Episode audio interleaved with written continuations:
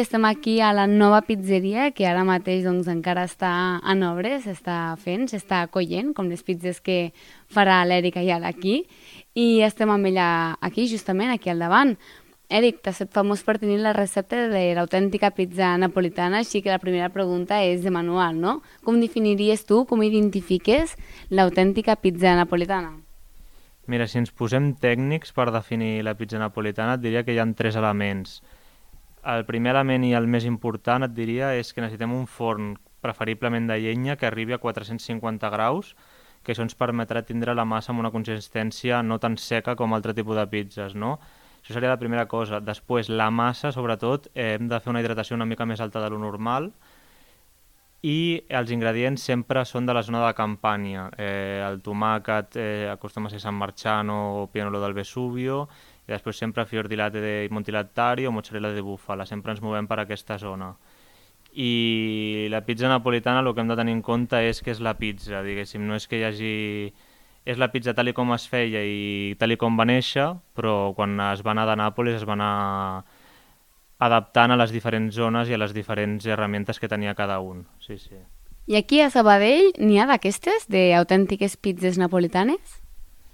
Ostres, és que jo estic molt fora perquè no, no surto molt de casa i justament pizzeries, és que no, no vaig mai a pizzeries per aquí, per Catalunya en general.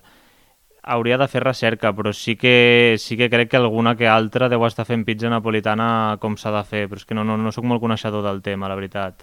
Bueno, doncs sí, com sigui, n'hi haurà, no? Perquè tens previst obrir aquí la nova pizzeria. Què ens en pots avançar? Us puc avançar que és una pizzeria napolitana de veritat, eh, no, hi, no hi ha hagut una adaptació de lo que demana la gent aquí. Eh, he volgut ser molt honest i portar la pizza que em va enamorar a mi, sense, sense adaptar-la al tipus de sabors que està més acostumat aquí la gent, o, o la demanda més típica, que aquí acostumem a demandar pizzas, per exemple, molt carregades d'ingredients, i nosaltres, en canvi, hem apostat, per exemple, per fer set, ma set margarites diferents, que a simple vista sabria alguna una mica raro, perquè aquí la gent la margarita la té com la pizza una mica que no porta res, doncs nosaltres hem apostat per, per, per aquest camí, per fer pizza napolitana de veritat. I com es dirà la pizzeria? Té nom ja? La pizzeria no té nom i es revelarà la inauguració el nom. O sigui, bueno, sí que té nom, però només el sabem jo, més germana, la Clara, que és la meva nòvia, i me mare, no, no el sap ningú més i es desvelarà la inauguració amb un documental que explicarà el perquè de l'obertura d'aquesta pizzeria i allà serà on podreu conèixer la història més, més des de dintre. I això quan creus que serà? Mira, jo estic... Ara mateix estem al local aquí, està, està veient la Júlia tota la destrucció que hi ha aquí. Mm. Estem, estem intentant anar el més ràpid possible, de veritat, però no m'estic comprometent a donar una data en concret perquè no vull que, no vull que, em, que se'm tirin a sobre però sí que és veritat que pel 2023, si no passés una tragèdia molt gran, que sempre pot passar, s'ha d'obrir segur, sí, sí. Tot i això, aquesta no és la primera pizzeria que gestiones, perquè, segons tinc entès, em vas obrir una a casa teva, no? Mirant vídeos, vas decidir apostar per aquest camí.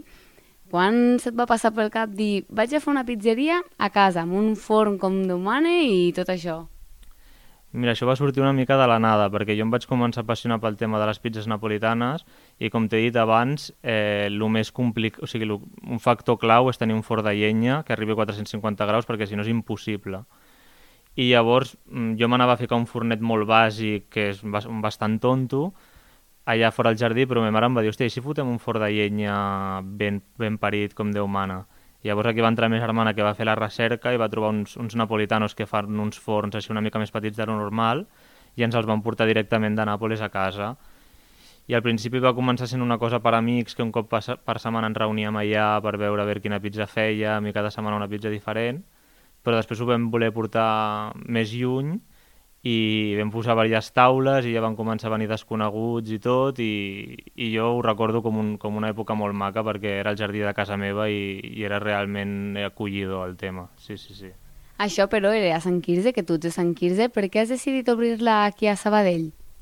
Mira, si et dic la veritat, mmm, o sigui, a Sabadell no la volia obrir en un inici, la volia obrir a Sant Quirze, ¿vale? Però jo tenia molt clar que el següent projecte anava a Sabadell. He anat desordenat, no? O sigui, jo volia començar a Sant Quirze fent la primera i volia Sabadell fer la segona. però eh, bueno, es va donar així perquè Sant Quirze va ser impossible i diguéssim que a Sabadell vam tenir la sort de trobar aquell local i ho vam muntar a Sabadell, però bueno, a Sabadell ho volíem fer, sempre tenia clar que acabaria muntant una pizzeria aquí perquè diguéssim la meva família és de tota la vida de Sabadell i diguéssim jo Sabadell m'ho sento molt meu, també és on, on vivia la meva àvia i jo venia sempre per aquí, la meva germana viu aquí, o sigui Sabadell m'ho sento igual de meu que Sant Quirze però diguéssim que s'ha adelantat el tema, no? va ser una mica més tard obrir una pizzeria a Sabadell, sí, sí, sí. La teva, però, no serà l'única que obrirà ara en breu aquí al, al centre. Creus que aquí a Catalunya, en general, això d'obrir pizzeries o ser pizzer és un ofici que no està tan valorat com a Itàlia, tu que has estudiat a Nàpols? Sí, perquè clar, és, és normal que aquí la figura de, del pizzaiolo no la tenim amb especial estima, perquè tu quan eres petit i vas a una pizzeria no veus el pizzero, no? Aquí, aquí no veus el pizzero, llavors ningú s'apassiona d'aquest mundillo ni, ni, ni coneixem el pizzero de la pizzeria.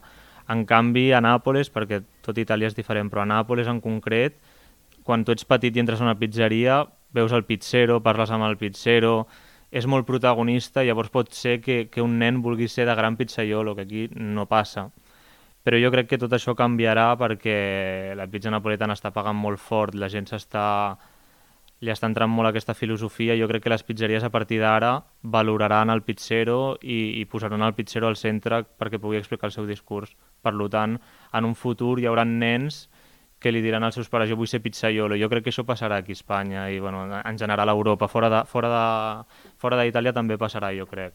I tu et sents un pizzaiolo? Jo sí, jo, jo em sento un pizzaiolo perquè, bueno, jo, com et dic, no, no va ser que vaig anar a una pizzeria i vaig veure un pizzero, sinó que va ser per internet, que vaig veure tot per YouTube concretament, que vaig veure tots els pizzeros, com, com es movien, les aceiteres, els forns de llenya, Fornaio també m'agradava molt. Vaig veure tot aquest mundillo i vaig dir, hòstia, el veig molt èpic, m'agradaria formar part de tot això i això va ser el que vaig fer, vaig anar a Nàpoles per formar-me ja en una pizzeria de tres generacions de pizzeros i sí que em sento pizzaiolo, sí. I tens pensat dedicar-te a això en un futur?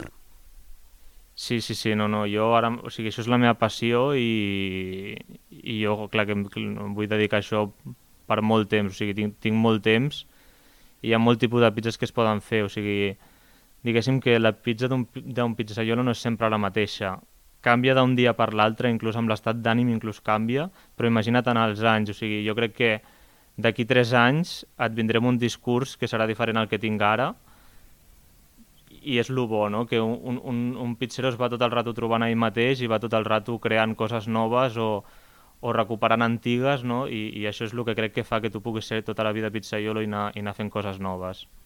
Bé, doncs mentrestant romandrem atents a veure quan ens obres aquesta pizzeria i la vindrem a tastar.